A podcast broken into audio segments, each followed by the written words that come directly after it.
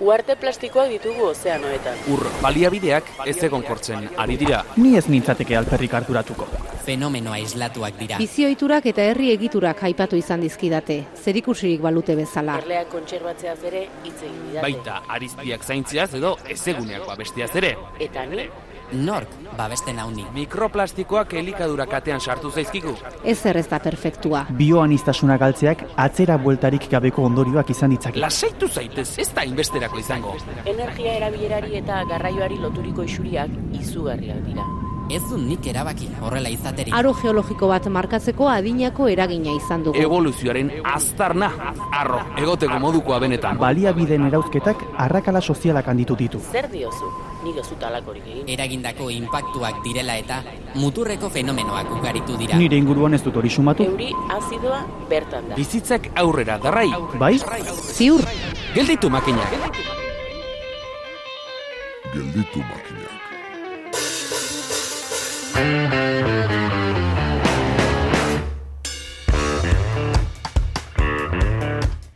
Zenbat ote dira uztaileko iluntze sargorietan neguko freskura eta mantapea saminez oroitzen dituztenak? Urtarrileko dilubietan udako egosialdiak amesten dituztenak beste, seguruenik. Kontu jakina baita, keixatu nahi duenak beti aurkituko duela horretarako motiborik. Eta gehien gehienetan baita pixuzkoa arrazoirik ere. Esaterako, espekulazioa eta arbonako amabi hektarea berron mila euroan saldu izana, ez noski, laborantzarako. Auzitegietara jotzeko asmo adierazi dute lurtzaindia eta elbe sindikatuak.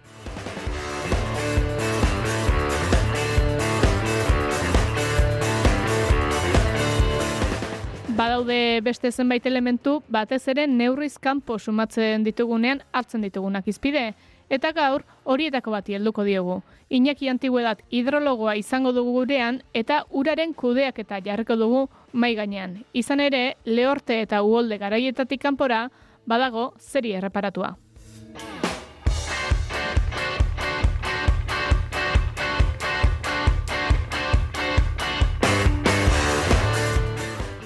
Iker Bizkarguenaga kazetariarekin ere izango gara. Zeobia etileno bilaka ote daitekeen galdetuko diogu. Gaia landu berri du eta.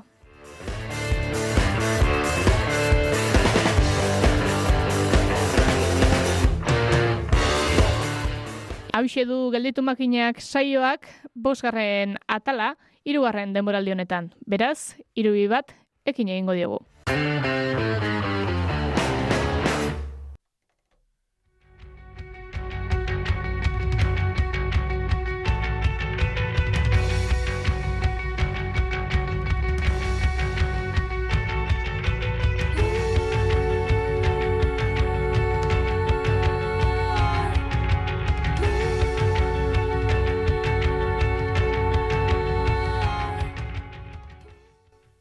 Euskal Herrian urarekin dugun harremana ondo desberdina da urmugaren alde banatan, ekialde edo mendebaldean izan, zibilizazioa zibilizazio bada ordea, errekurtsoak kudeatzeagatik izan daitekeela esan dezakegu, eta horri erreparatuko diogu gaur, uraren kudeaketari hain zuzen ere.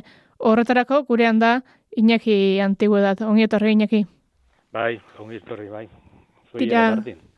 Ure, ura aipagai izan dugu azken hilabete luzetan, eta galdera zuzen bat eginen izuke zer baino lehen, gero eta lehorte eta uholde gogorragoak alditugu edo ze impresio da hori? Bueno, a ber, impresioa ez da, eh, esan nahi dute orain dela urte bete ez dela, e, azaroaren erditik hasita eta abenduaren hasiera arte eta oso e, albiste izan zen leku guztietan hogeita bat eguneko, eh, hogeita bat eguneko euri jasak eta euritxeak eta hainbat lekutan egon ziren, ba, urgainezkak eta bai ebroaldean, bai kantauri aldean, eta hori izan zen, eta uholde izan zen e, ze albiste ardatz.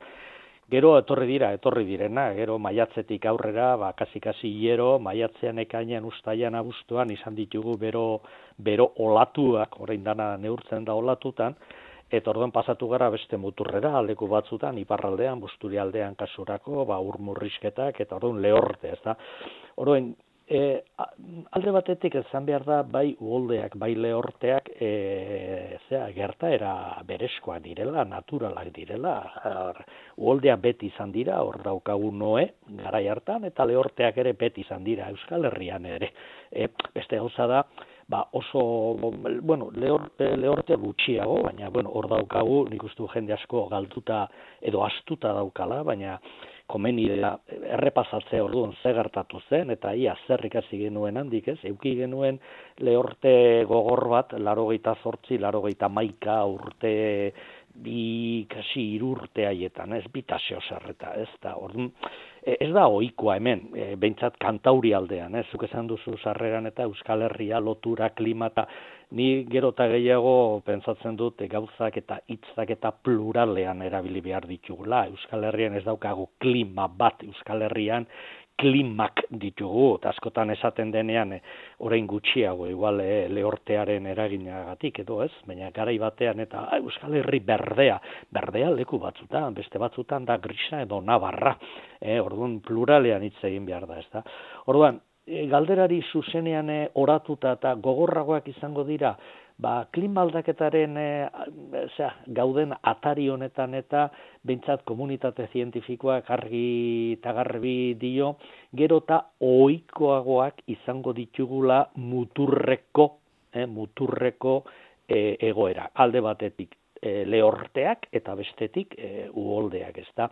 E, baten batek esan du ere, uda honetan bizi izan duguna, salbu baino, gerora begira ba ohikoa gertatuko dela. Ba segurazko, eh horrek ez du esan nahi eh amarkada honetan izango dela edo, baina kontua da eta askotan hidrologo modura nolabaiteko amorrua edo badaukat klima aldaketa eta aipagai denean ta gero ta gehiago normalean balantzaren e, parte handi bat e, e, badoa edo okertu egiten da e, energiaren kontura eta ahastu egiten da beste elementu bat eta dela ura, ez? Orduan falta gotatzen dut energia lorrean esaten ari diren hainbat gauza murrisketa eta ekonomia zirkularra eta ez aplikatzea uraren kontura, ez da? Orduan gero eta ohikoagoak bai, gero eta gogorragoak galdera, gero eta gogorragoak, a ber, gogorragoa esaten dugunean ari gara kaltei begira, kaltei begira. Karo, garai orain dela amar, hainbat amarka da uolde batek sortzen zituen kalteak eta gaur e, egoera berean e, batek sortzen dituen kaltea oso dira desberdinak. Horren, kontu ez da inbeste e, zea, zelan gertatzen diren euri jazak eta baizik eta euri jaza hoiek gertatzen direnean zer topatzen duen urak lurraldean.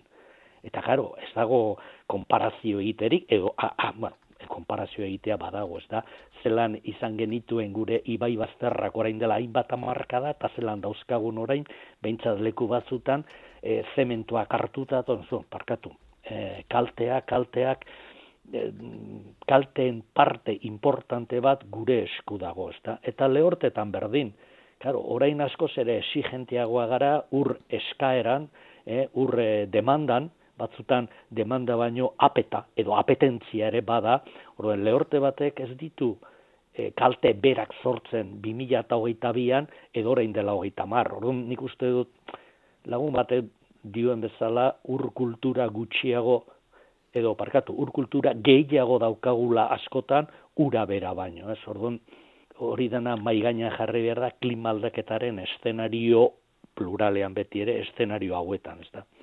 Bai, zueri aitutako da bestalde, uholde hitz egitean ez direla uholdeak kaltegarri hutsak aipatu duzun bezala, onuragarriak ere izan badirela, ela? Hombre, hori batzutan eh, batez ere hori esan alda lasaiago e, lehorte garaian, uholde garaian baino, ez? Uholdetan eta jendea protestak eta kalte pairatu dutenek eta protestaka edo kesukari direnean esatea e, onuragarria direla, ba. A ber, kontua da, e, u, lehen esan dudan bezala, uholdeak eta lehorteak berezko zea, prozesua dira, naturalak dira, eh?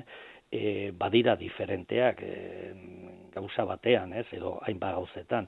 Uholdeak eta e, oso e, denbora motzean gertatzen dira eta oso espazio mugatuetan normalean erreka bazterrak edo ibai bazterrak dira e, kalte, kakotxen artean izan ezkero jazaten dutenak, ez? Egia da ere, gero eta oikoagoa, ze batez ere baso politikaren ondorioz edo, ba, olako eurit jasa handia gertatzen direnean, ez bakarri e, erreka inguruetan, baizik eta maldetan ere, e, mendi magaletan ere, igartzen da horren eragina, ba, e, luisiak eta izaten direlako, edo, ez? Baina, bueno, funtzean, uoldeak eta denboran motzak dira, e, denbora motzekoak, laburrekoak, eta espazioan, esan dezagun, espazio, espazio mugatuak edo dituela, edo hartzen dituela uolde batek.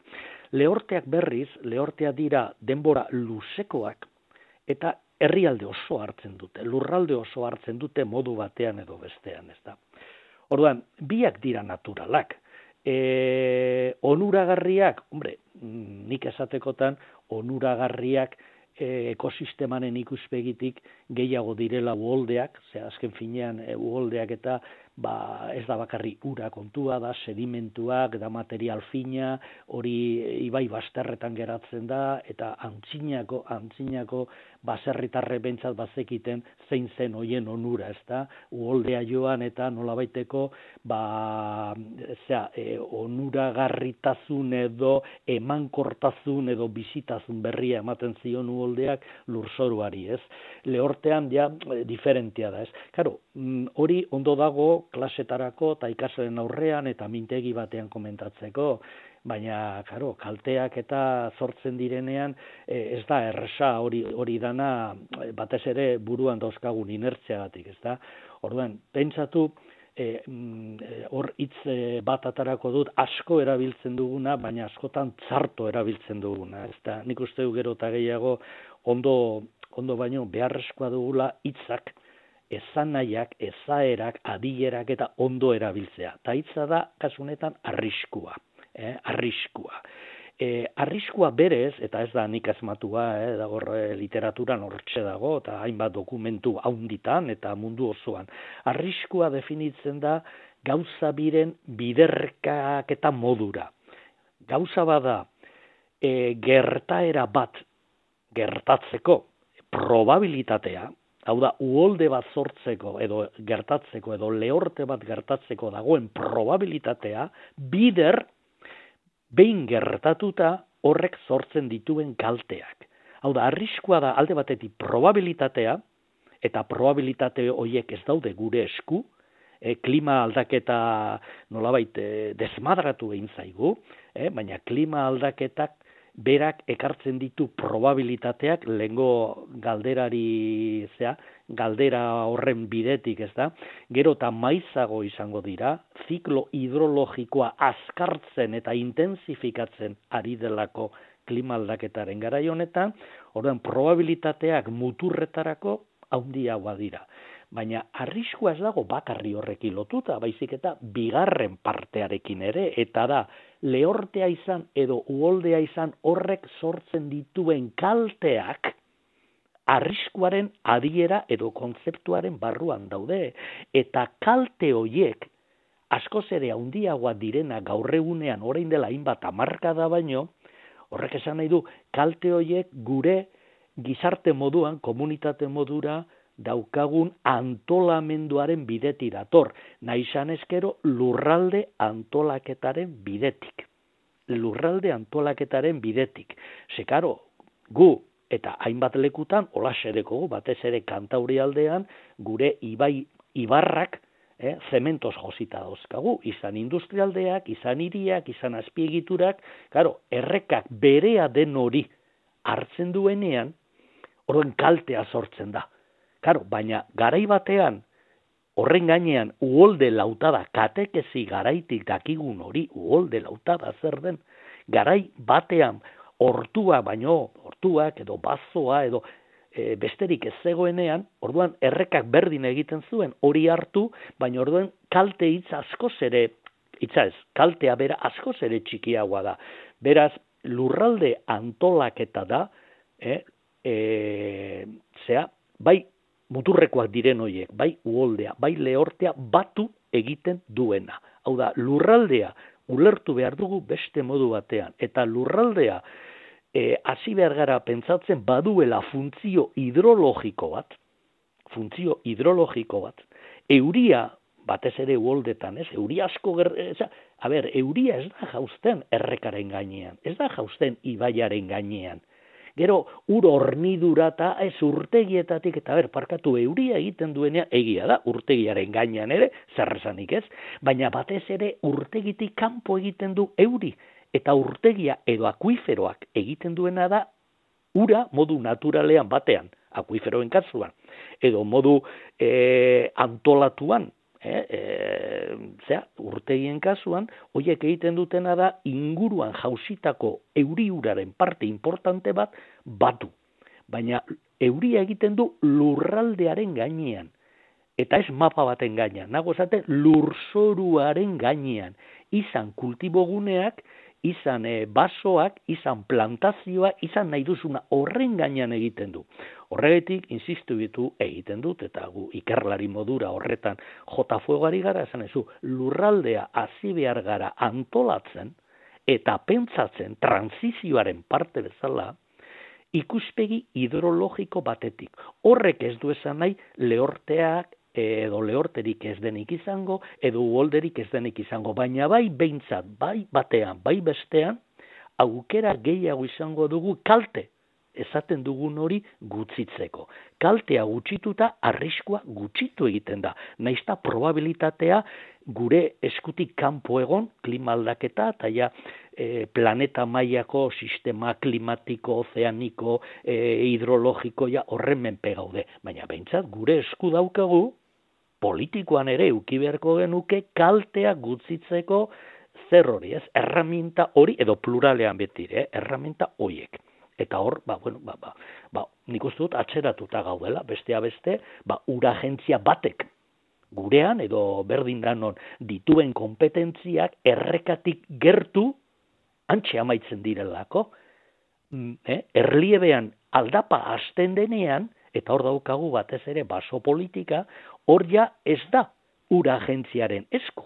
Beraz, hori da gure, gure tragedia, ez ura kudeatu behar duenak ez dauka ur esparru osoaren gaineko eskumena, ba beste instituzio edo beste instituziotako beste zuzendaritza batzu zartzen direla bitartean, ez? Orduan, berriro dinot, e, batzutan lehortetan ere kultura gehiago edo barkatu beti alternatzi, kultura gutxiago daukagu ura baino lehortean izan da ere, ez da? Hmm. Iñaki, e, aipatu dituzu bai akuiferoak eta urtegiak ura pilatzeko sistema bezala eta hortik lerratu nahi nuke pixka bat e, Euskal Herrian Euskal Herri begir, e, zabala horretara, bueno, begirada bateratu xamarra eskatuko dugu, ez bai. dugulako nahi beste bai, bai, bai. denborarik, baina tira, urreran garrira mugatuko naiz. Bestelako ur batzu eta zere izketan ari gara, Baina esaiguzu, Euskal Herrian oroar nola dago banatuta uraren jatorria?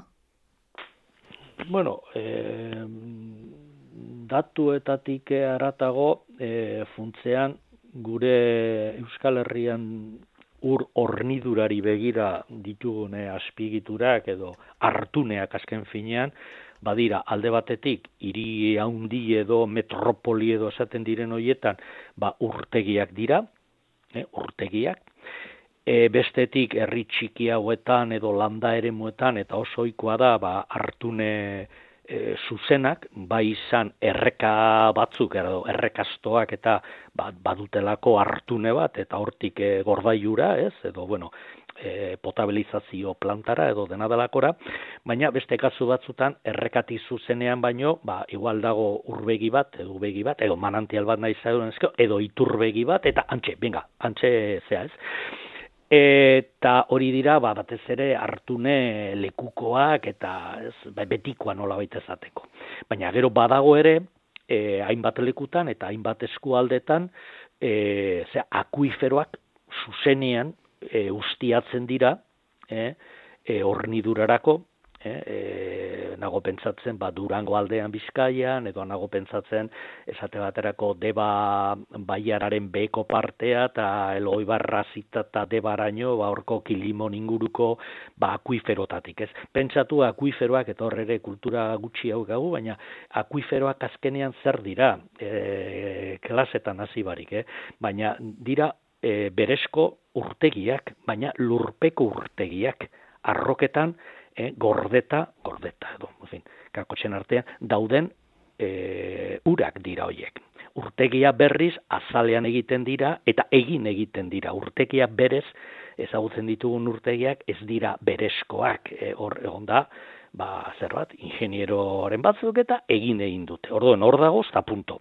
Baina, karo, askotan eta gehiegi zentratzen da urre erangarri edo ur horniduraren eztabaida e, ba, urtegietan. Hor daude eta ezin da atzera egin e, eta atzera egin da ere segurazko urtegi batzuk egon egongo ziren, beste batzuk ez igual dauden modura, ezta? Baina bueno, dagoz urtegiak, azpigitura handiak eginda, hor daude, eta bestetik akuiferoak, azpigitura naturalak, eh, hor daudenak, eta askotan mm, zelan horbean dauden eta ez diren ikusten ba ez pentsa uraren inguruan dabilen jende askok sinistu egiten duenik akuiferoen presentzia. E, eta akuiferoak batzutan handiak dira eta potentzialtasun handia, ezta? Hor dago subijana esate baterako edo subijanako kareharriak hainbatetan aipatu dena ba kasu balduta ba e, zea, zadorrarekin batera, ba, gazteiz eta zea, e, e, ornitzeko. Ezta. Eta gero, esan bezala, gero, herri txikietan eta badira asko zere txikiagoak, bere horretan txikiagoak diren arguneak. Bai, e, erreketan, hau da, lurregaineko urak, nola baita esateko, baita ere manantialak lurpeko uretan. Ezta. Horren, e, e, egoera hori da. Horren, gertatzen da lehortetan orain e, lehorte batetik gatozela, ezta? Kendut azken egunetako euriak. Lehorte batean mm, e, bi gauza dira kudeatu beharrekoak, eh? eta kudeak eta gero aipatu beharko dugu kudeak eta kontzeptua ere da arrisku kontzeptu bezala oso labankorra, ezta? Baina e, lehorte batean bi gauza kudeatu behar dira. Bata, e, demanda esaten dena, eh? demanda kudeatu behar da, e, hau da, eskaera, eh? eta hemen gure zera, tragediaren parte esango nukeni, ez? E, da, ba, askotan azten garela jendeari ezaten e, gutxitu egin behar direla, murriztu egin behar direla konsumua, ja lehortean sartuta gaudenean, ez egunerokoan e, energian orain ezaten ari den bezala, zu, a ber, gauzak ez dira kojunturalak, eh? nik uste du jendea erresilientzia esaten dugun hori landu behar da beti, beti, beti, beti egunero naizta lehorte edo uolde batean izanez. Orduan badago demandaren kudeaketa eta badago oferta edo eskaintzan kudeaketa. Eta gau, zer gertatzen da lehorte batean? Zu lehorte batean administrazioa bazara edo ur ornitzailea bazara, kudeatu egin alduzu eskura daukasun ura. Ez du balio ikerketak edo unibertsitateak eta esatea zu, hor inguru hortan badira akuiferoak potentzialtasun desentekoak e, ikerketa gehiago egin behar dugu biarretzi hoiek izan, izan daitezkelako ofertaren ikuspegitik eskaintzaren ikuspegitik izan daitezkelako gero eta ohikoak izango ditugu lehorte garaietan ba, e, soluzioaren parte bat kontuan hartzekoa. Baina eskuragarri ez daukagun e, bitartean, ura hor dago, baina ezin dugu erabili. Zezin da derrepentean hasi azpigiturak egiten, ez? Ganoraskoak beti ere. Horregatik, e, guk hor e, zaten dugu, a ber, urtegiak hor dagoz eta askotan sakralizatu, jainkotu egiten dira urtegia, eta berriro dino lehen esan dakoa, e, 2008 bi garren e, mendean, mendean ez parkatu, urtean gaude, hogeita bat garren mendean, urtegiak hor daude, punto. Baina Bizkaian e, gertatzen ari dena, esate baterako, bueno, Bizkaian, e, zadorra sistema berez araba da, berez da ebro isuri aldea, eh? Orduan hor dago, eta bale, baina, karo, ari dira, eta hori busturialdeko zeaekin, eh, lehortean izan dako, albiste bihurtu den horretan, ba, karo, ni mm, tragediaz hartzen dut, eh? gero eta gehiago nahi eh, izatea, eh? zadorratik, gero eta biztalde eta eskualde eta lurralde gehiago, eh? E, zea ornitu nahi izatea, ze horrek gerota zaurgarriago egiten gaitu, zaurgarriago egiten gaitu. Eh? E, jetzen bat eta jende gehiago, lurralde gehiago, e, demanda edo eskaera gehiago, e, tutu edo odi haundi eta luze eta garesti, bakar baten menpe geratzea oso zaurgarri egiten gaitu. Eta horren apostua egiten dugun bitartean, bere garaian busturialdea ipatu du da, la horregon zen e, ekintza lurralde ekintza plan bat beren beregi urari begira eta esaten zen, han agertzen den ere, agertzen zen zadorrako aukera ere, e, baina beste batzuk agertzen zire, denboraz lehenago, e, eta zer egin da hor, hor dago akuiferotara bueltatuta, oizeko akuiferoa, hor badago estudioak non e, zifrak eta jartzen dira, aukera, ez duela horrek euneko eun beteko, ja, baina ez da berdin euneko amarrean egon, edo euneko iruro gehian egon, edo e, gernikan bertan dauen akuiferoa, kutsatua, baina kutsadura, zu, e, da inbersio kontu bat, da inbertsio kontu bat, teknologia kontu bat ere bada neurri batean, baina horren aurretira erabaki kontu bat, da kudeak eta kontu bat, eh? orduan hor, ah, ah, hor batzutan diozu, ez diogu ondo eusten e, zeari ez, e, datorrenari ez, eta batzutan hain da, hain premiazkoa momentukoa non importantena e, mai bazterrean usten dugu, eh? ni neukeren eure bolegoan, eh? baina bueno, bakotxa dozka bere, bere, bere, bere ardurak eta ez, eh, planifikazioan eta kudeaketan, ez da? Aipatu duzu Iñaki elkarrezketaren hasiera xamarrean energiarekin egiten den bezala urarekin ere kontsumoari erreparatu beharko litzaiokela edo hasi beharko ginekela horri erreparatzen eta alde hortatik e, eta behin udan edo, bueno, azken aldian izan diren kudeak eta nabarmenei begia jartzen hasita, pusturialdeko aipatu duzu, Ipar Euskal Herriko, bueno, gertakarietara urbildu nahi nuke, bertan urrera bilerari murrezketak aplikatu zaizkiolako. Zuk nola ikusi duzu hau? Bueno, baina e, lehen esan dut, badabola diferentzia importante bat uoldeak eta lehorteak. Eh?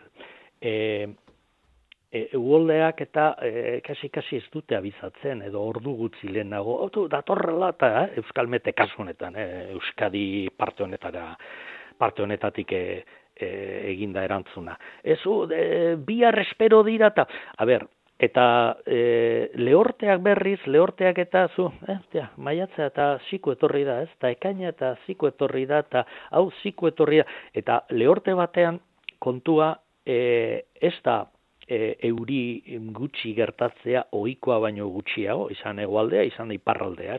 Lehortearen gainean badira gutxienez, gutxienez elementu importante bi. Bata, oh, euria eta ez, ohikoa baino gutxiago gutxiago izan dugu, maiatzean, udaberri azkenean, udan eta e, orain arte, e, una hauetan, gero, emetik aurrera ikusi beharko, baina ez da bakarri e, e, ur edo euri eskasia, baizik eta e, txampon berean e, dago beste aurpegi bat, e, beste alde bat, eta da temperatura oso handiak izan direla, oso handiak izan direla. Esan nahi da, e, egon den euria egonda ere, temperatura ez bazen izan hain altu, e, emari handiagoa izango genuke hainbat e, errekastoetan eta e, esetasun gehiago egongo zen, berdetasun gehiago egongo zen lurzoruetan eta abar eta kultibogunetan eta abar eta bar. Kontua da, euri gutxi, gutxi. Eh?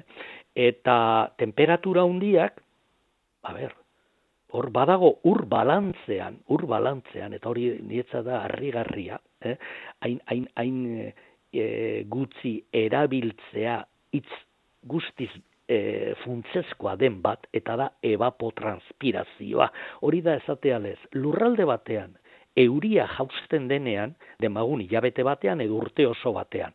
Nora doa euri urrori? Ba, parte bat, eta ez haundiena, emari bihurtzen da izan lurpean, akuiferotan, edo izan lurgainean, eta azkenean dandana doa erreketara. Bale. Eta bestea nora doa, bestea evapotranspiratu egiten da. Evapotranspiratu egiten da. Horregatik, hori da askotan guk egiten dugun diskursuan, e, e, ez dira, ez da gure glosarioa, eh? hori Europatik eta nazio batuen erakundetik eta badator gerota gehiago desberdintzea ur urdina eta ur berdea evapotranspirazioa. Orduan, ze gertatzen da? Zuke kaptazioa edo hartunea edo argunea badaukazu e, mendian, ez dakit non, daukazu herri txiki batean, eta edo esain txiki, eta bueno, badaukazu hainbat puntu hartuta, e, ba, izan daitezke urbegiak, edo izan daiteke errekasto puntuak, edo, edo inkluso baltza edo txiki bat, bardin da. Karo, badatrolako garai bat non prezipitazio gutxi, temperatura haundi, Orduan batez ere egoera horretan irabazlea ataratzen dena da evapotranspirazioa. Eh? Orduan askoz ere e, esetasun gehiago pasatzen da atmosferara, eh? eta askoz ere urgutxiago izango duzu zure hartunetan. Orduan, horre badauka bueltarik, ze baten batek esan dezake, bueno, baina ezetasun hori berriro airera pasatzen dena, jausiko da berriro euri modura, bai jauna, bai anderea, gertatuko da hori. Kontua da, ez dela leku berean gertatuko. Leku berean ez da gertatuko.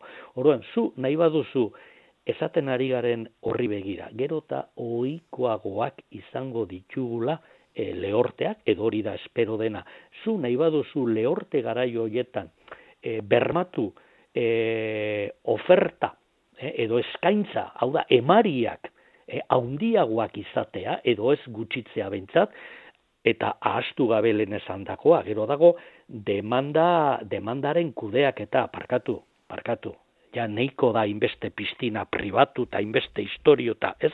Hori kudeatu behar da ere energian paraleloan egiten ari den bezala. Horren, sentidurik ez daukana da, eta nik ez dakit e, e, e, ipar eskalarriko egoera ez dute olan hain ondo ezagutzen, esate baterako kantauri aldean edo bizkaikoa ezagutzen dudan bezala. Baina hemen zu daukazu kaptazioa kartuneak urdaibain bertan, basoaz bertara, paratzen zara ohikoa e, ez den e, posizio edo jarrera batean, esan nahi dut, ze normalean eta zu behiratzen baduzu partzuergotako webguneak eta e, ur eskemak eta beti jartzen du. Hemen hartzen dugu ura, eraman egiten dugu tutu baten bidez potabilizazio plantara, gero depositua, gero eta, azkenean araztegi, azkeneko araztegi edo depuradora, ez? Baina inon gutxi, eh, agertzen dena da, zu argunera joan, eta eman eunta larogei gerradoko buelta, eta paratu, e, bizkarra emon da aspigiturari, eta aurrez aurre ura nondi datorren e, lurralde edo ibai arro esaten dugun horri begira. Eta batzutan ikusten duzu, e, eta oso ohikoa da batez ere bizkaian eta gipuzkoan neurri handi batean ere, ikusten duzu, zure argunea, e, ur gutxitan lehortean, eta ingurua, pinuak eta eukaliptua horren josita. Ez baso, baizik eta plantazio. Eta dinosu, eh? hauek eta ari dira ondo aguantatzen lehortea, karo baietz, e, eurek eta badaukate hor irabasteko, eurek eramaten dute ezetasun hori, evapotranspirazioara eta euren biomazara, eta oso ondo, bale, hori beste ez da bada, zu parkatu, baina zagoz ura kentzen, gure herri edo auzo edo danadala hornitzen duen arguneari. E, orduan, e, berriro dinot, lurralde antolak egin behar dela. Batez ere gure e, ornidurarako ur iturrien inguruan egin behar da helburu hidrologiko batetik, klima aldaketari begira eta erresilientziaren izenean eta demandaren kudeak eta inondik inora ere ahastu gabe, baina egin behar duguna da, zelan bermatu, ez dugula emariri galduko, hain zuzen ere, udazkenean, edo udan, edo lehortea, edo agorraldia gehien jotzen duen momentuan, ez da? Eta hori da, e, urarena ulertzeko, atara behar da arbio molekulatik, eh? eta ez dut uste beti holan egiten dugunik, ez da? Hmm. aipatu dituzu gutxi gehiago, baina borobildu nahian edo galdera zuzen xiago egingo dizut. Eta ikusi dugu, ba ez, ba, muturreko fenomeno gehiago izango direnean, neguko uoldeak izan daitezke, udako lehorteak, aipatzen ari garen guzti hau. Hor, hauek denek ze eragin dute ibai eta epe motzera zen neurri hartu beharko lirake? Bueno, eraginak, e, a ber, uoldeak e, aparatu utzita kalteak, eta e, ze, kaltea jasatzen dutenek eta nik uste dut eskubidea dutela kesarako. E, ba, bain batzu da, esatako ebroaldean, e, araban edo nafarroan oso ohikoa izan dugu, ba, alako uoldeak, esate baterako asken hoiek, eta orain dela, fin, bederatzi, amarri jabeteko haiek eta, e, ba, bueno, e, euren protestak eta bai, e, motiboa badute protestarako, ba, kaltea jasan dutelako eta, baina e, kesarako motiboa izateak ez du ezan nahi arrazoia zurea denik. Bakoitza daki dakienaz. Eta nekazarie jakingo dute e, lurraren gainetan, baina erreka bat ibaia zer den ez dakite. Orduan, e, uoldeak, uoldeak, naizta kalte sortzaile izan, kakotxen artean, berriro, eh, kalte horrena, baina nolabait garbitu egiten dute, garbitu, a ber, ze horre ere askotan esaten da, ibaia zikin dago, zikin ze, plastiko, edo, ez, ez, ez, sedimentu, dio, bueno, vale, punto, e, ez goaz, e, e, beste egun batean segituko dugu, ez? E, esaten badiozu, edo esaten badiazu e, sedimentuak edo legarrak edo areak edo limuak edo bustinak egotea erreka batean hori sikin egotea dela, ba, ez, amatatu, holan gutxiago konsumitzen dugu energia eta guazen, ez da? Baina e, horretik, garbitu esan du danean, esan du zentzu honean, ez? E, uoldek eta askotan e, uzten dute nolabaiteko bisitasun berri bat ematen diote ubideari, eta gero, ba, inbat urte, ba, horre ongo da beste prozesu, edo ongo dira beste prozesu batzuta, eh, berez, uoldeak onak dira e, salbuespena edo alboan utzita le, kalten kontu hori, ez. E, lehortea, ba, bueno, lehortea, e, lehortea, ba, dana lehortu egiten dute, lurzorue jasan egiten dute, e, biodiversitatea, ba, ba, bueno, ikusi beharko zen, ni ernaz personarik e, zerena e, hori izateko, ez da. Orduen, mm, eragina bai, baina azken finean, e, esaten duzunean, bueno, hor ze, ze eragin dute Ibai Arroan. I, Ibai Arroa pentsatu, eta lehen esan dut oso kontzeptu importantea da, ez, erderazko, la cuenca fluvial, Ibai Arroa, eh? E, funtsezkoa den elementu bat, baina gero juridikoan mm, ez da, ez da, ez da, ez da, ez da, ez dago zertatuta, ez da. Zate baterako bizkai osoan, ba, badira, bizkaian badira, hainbat ibai arro. Eh? Baina lehen esan bezala, ba, bai e, zadorra sistema beste ibai arro batean, beraz trasbaze bat iburuzari gara, eh? naizta distantziak eta aina handiak izan ez. ez.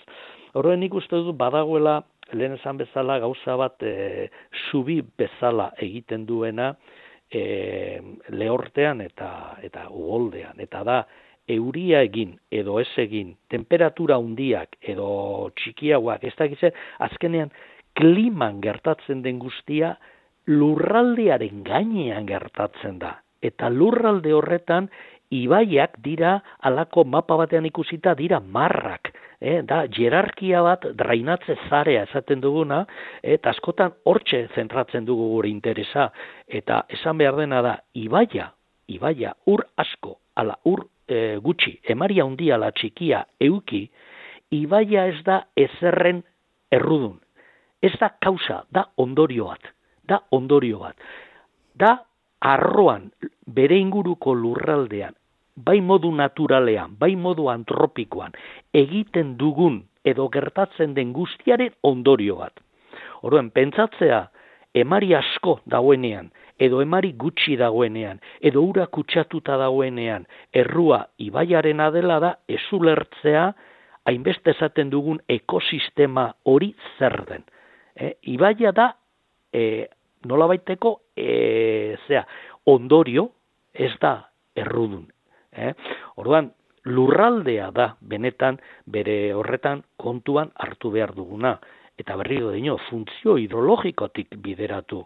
Eta horren eskumenak dituena lurralde osoaren gaineko eskumenak beharko lituzke, e, gauzak hidrologikoki e, pentsatzeko, hidrologikoki bideratzeko, beste interes asko kontuan hartuta jakintza, baina ura ardatz. Begira, e, uraren problematika osoa, energiaren bezala, transizio pluralean, hainbat transizio egin behar dira, ez? Hoien parte bezala ulertu behar da. Ni atzo bertan bilera batean esaten nuen. Gogoratzen naiz, 2002an, e, lurraren e, nazio batuen erakundeak e, antolatutako Johannesburgon antolatu zuen lurraren gaineko nazioarteko gaiurrata eta orduan nazio batuen erakundeko e, idazkari orokorra edo zenak berak esaten zuen e, sostenibilitatea edo eramankortasuna edo jasangarritasuna edo iraunkortasuna esan nahi duzun bezala eta hori esan egin behar da uraz edo energiaz ari garenean E, iraunkortasun hori mundu mailan planeta mailan lortzeko, planetako txoko guztietan lortu behar da. Ez bakarri Euskal Herrian, ez Euskal Herriko eskualde guztietan. Eta berak esaten zuen. Eta hori ulertzeko bos zutabe, bos zutabe bermatu behar dira txoko guztiotan. Eta horiek dira, ura, energia, biodiversitatea, nekazaritza eta osasuna. Bos elementu horiek funtsezkoa dira. E, eta ingelesez badago UEAF esaten dena edo da bakoitzaren e, zea ez, e, hasierako e, letra hori.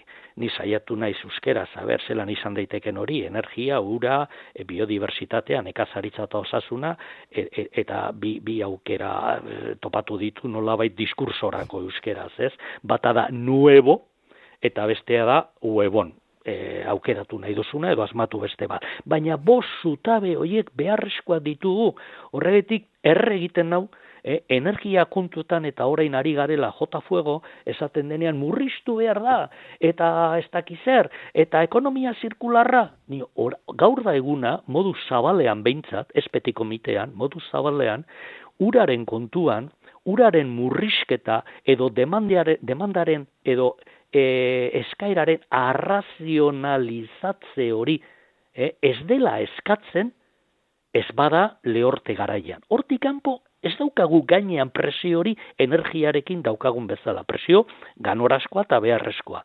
Eta ekonomia zirkularra, e, uraren kasuan, larogeita sortzi, larogeita maika garai hartan, hasi zen esaten, agian planteatu beharko zela uraren e, hornidura sistema zirkularra eta ez total lineala edo lerrokoa gaur eta orduan e, izan zen bezala. Eta orduan ari gara ekonomia zirkularrean honetan beti ere energiari begira, baina zurari begira. Ba, esan dezagun, ura, energia, biodiversitatea, nekazaritza eta osasuna, e, eta hoietan guztietan gaude sartuta pandemiatan eta olatuetan eta krisietan, pluraletan beti ere, Eh? Eta ez dugu urari, ez diogu urari ematen, bestei ematen zaion garrantzia batez ere energiari, ez da? Orduan, nietzat hori importantea da, funtsezkoa da, eta maigaina jarri behar da. Eh? Ez dago transizioak e, egiterik, gauzak eta ez badugu bere, bere, bere osotasunean, bere integraltasunean ikusten. Eta eta ura funtsezko elementu da bizitzarako, ekosistematarako, lurraldetarako eta edozertarako ba, ura funtsezko elementu dela azpimarratuta eta ja sartzen zaigun buru kaskezor hauetan. Eskerrik asko inaki gurean izateagatik hementxe utziko dugu elkarrezketa. Bale ba, ba eskerrik asko zuei. Ei, Bale ba, ondo izan. Eli pagolarekin geldituko dituzu makinak naiz irratian.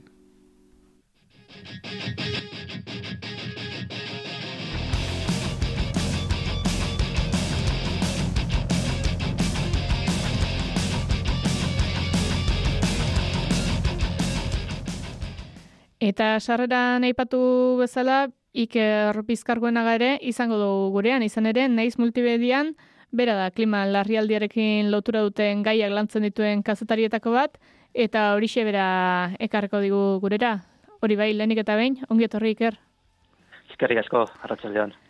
Pasa den astean zure albiste batean onakoa irakurri genuen. Etilenoa zeobia gatik, estrategia baliagarria krisi klimatikoaren aurka?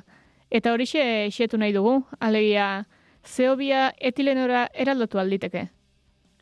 Ba, bai, e, antza, antza bai, azken e, aste hauetan e, asko zabaldu den ikerketa baten arabera, ba, Chicagoko Unibertsiadeko ikertzaile batzuek lortu dute ba, industrian sortzen den CO2-aren e, bitartez etilenoa e, sortzea. Eta hori albize garrantzitsua da, hain zuzen ere, etilenoa mundu mailan e, gehien erabiltzen den e, komposaketa organikoa delako, gasa delako, Eta e, orain arte bentsat e, etilenoa sortzeko e, izuri oso ondiak egiten zielako atmosferara, zeo izuri oso ondiak egiten ziren, hirugarren e, elementu nagusia da etilenoa e, izurketaren esparruan, ba, porlana eta amoniakoaren ostean, eta ikuse daitekeenez, ba, bueno, orain alde erantzizkoa gerta daiteke, hau da etilenoa sortzerakoan e, asko izuri ordez, e, zeobia jaso daiteke eta ezurketa hori eragotxe daiteke. Orduan esparru horretatik, ba, oso e, albiste garrantzitsua,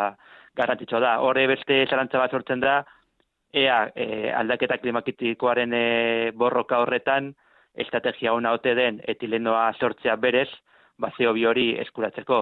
Eta hor dago zalantzan nik uste dute erantzuna ez eskoa dela, azken finean etilenoa erabiltzen delako batez ere, beste askorekin batera, baina batez ere e, plastikoa sortzeko, polietilenoa zuzen ere, eta tira, plastikoa badakigu berez e, oso kutsagarria dela, sekulako arazoa daukagu mundu mailan plastikoaren e, erabilagatik, eta orduan, bueno, e, ez naiteke kalte bat eragotzi beste kalte handiago bat e, e, sortu. Ez orduan, bueno, e, ikusi barko litzateke oreka zertan non jartzen dugun, ez? Aipatu duzun bezala, ez da hau lehen saiakera, karbono dioksidoa etileno bihurtzeko bueno, aurrez prozesu iturri karbonikoak eta dioksidoen emisio korrontearen barruan etilenoa sortzen duten erreaktoretan oinarretu dira honakoentan, kasu horietan CO2 emisioen euneko amar baino ez da aprobetsatzen etilenoak izteko, gainera ondoren etilenoa karbono dioksidotik bereizi behar da energia asko duen energia fosilak erabiliz, eta zuk diozun bezala uste duzu gaur gaurko ez dela bideragarri izango. Aurrera begira uste duzu aintzat hartuko dutela honako ikerketa hau?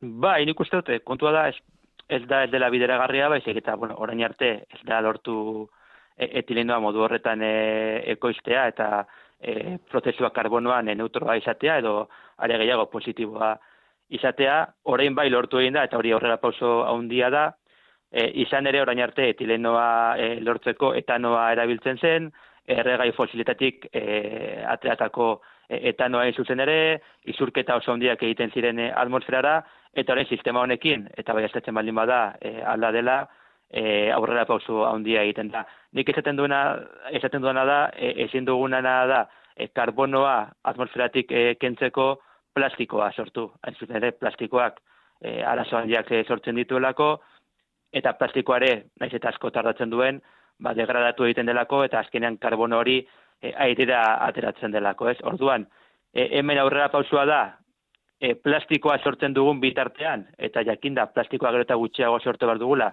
baina hori da egun batetik bestera gertatuko, ba, plastikoa sortzen dugun bitartean, sorkuntza prozesu horretan karbonoa izuri ordez, ba, karbonoa kendu egingo dugula atmosferatik. Orduan hor bai aurrera pausu e, handia dago, baina karo, horrek heldu pentserazi behar, e, karbonoa atmosferatik kentzeko plastiko mordoa e, sortu behar dugula, ez?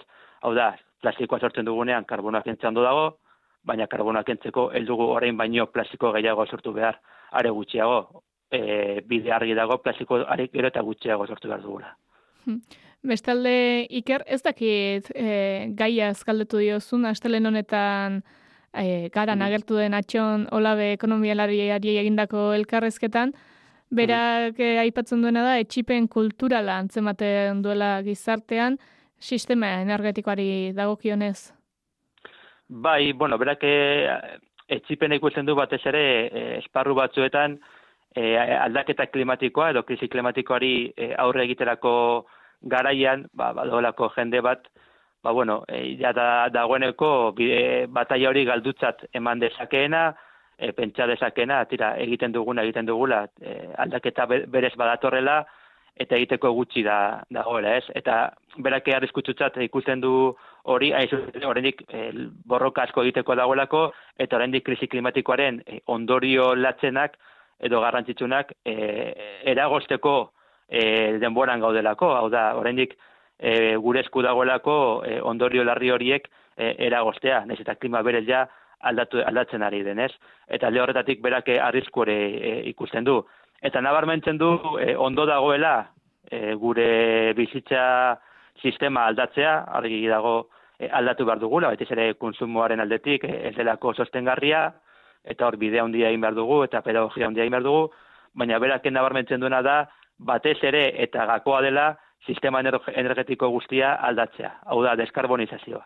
El dela sostengarria orain arteko e, erregai fosien erabilela, e, ez, e, hori guztia aldatu behar dela, e, zera, e, energia iturri berriztagarrietara joan behar dugula, eta hori alik eta eskarren egin beharko dugun bidea dela. Hor dagoela gakoa, hau da, sistema energetikoa goitik bera aldatu behar dugula aldaketa klimatikoari aurre egiteko.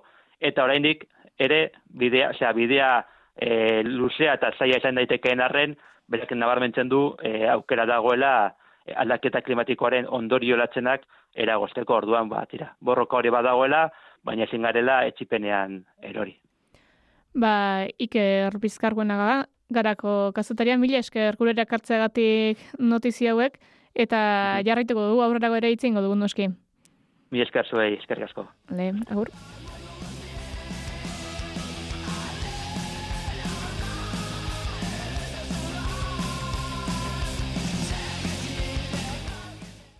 Gelditu makinak.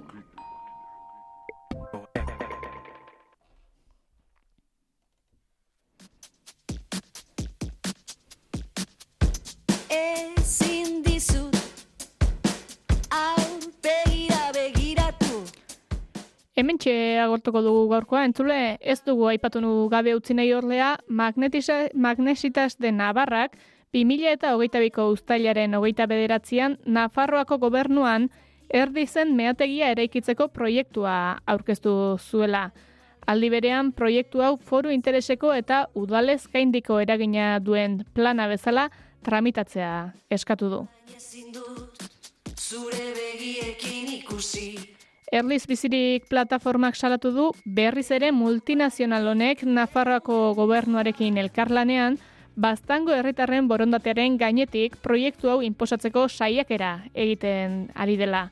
Kontuak horrela, Erliz Biztik plataformak manifestaziora deitu du urriaren amabian Elizondon, Erlizen meategia eraikitzeko proiektuaren kontra. Arratxaldeko bostetan bertan topakotuko garelakoan, laster artean zule.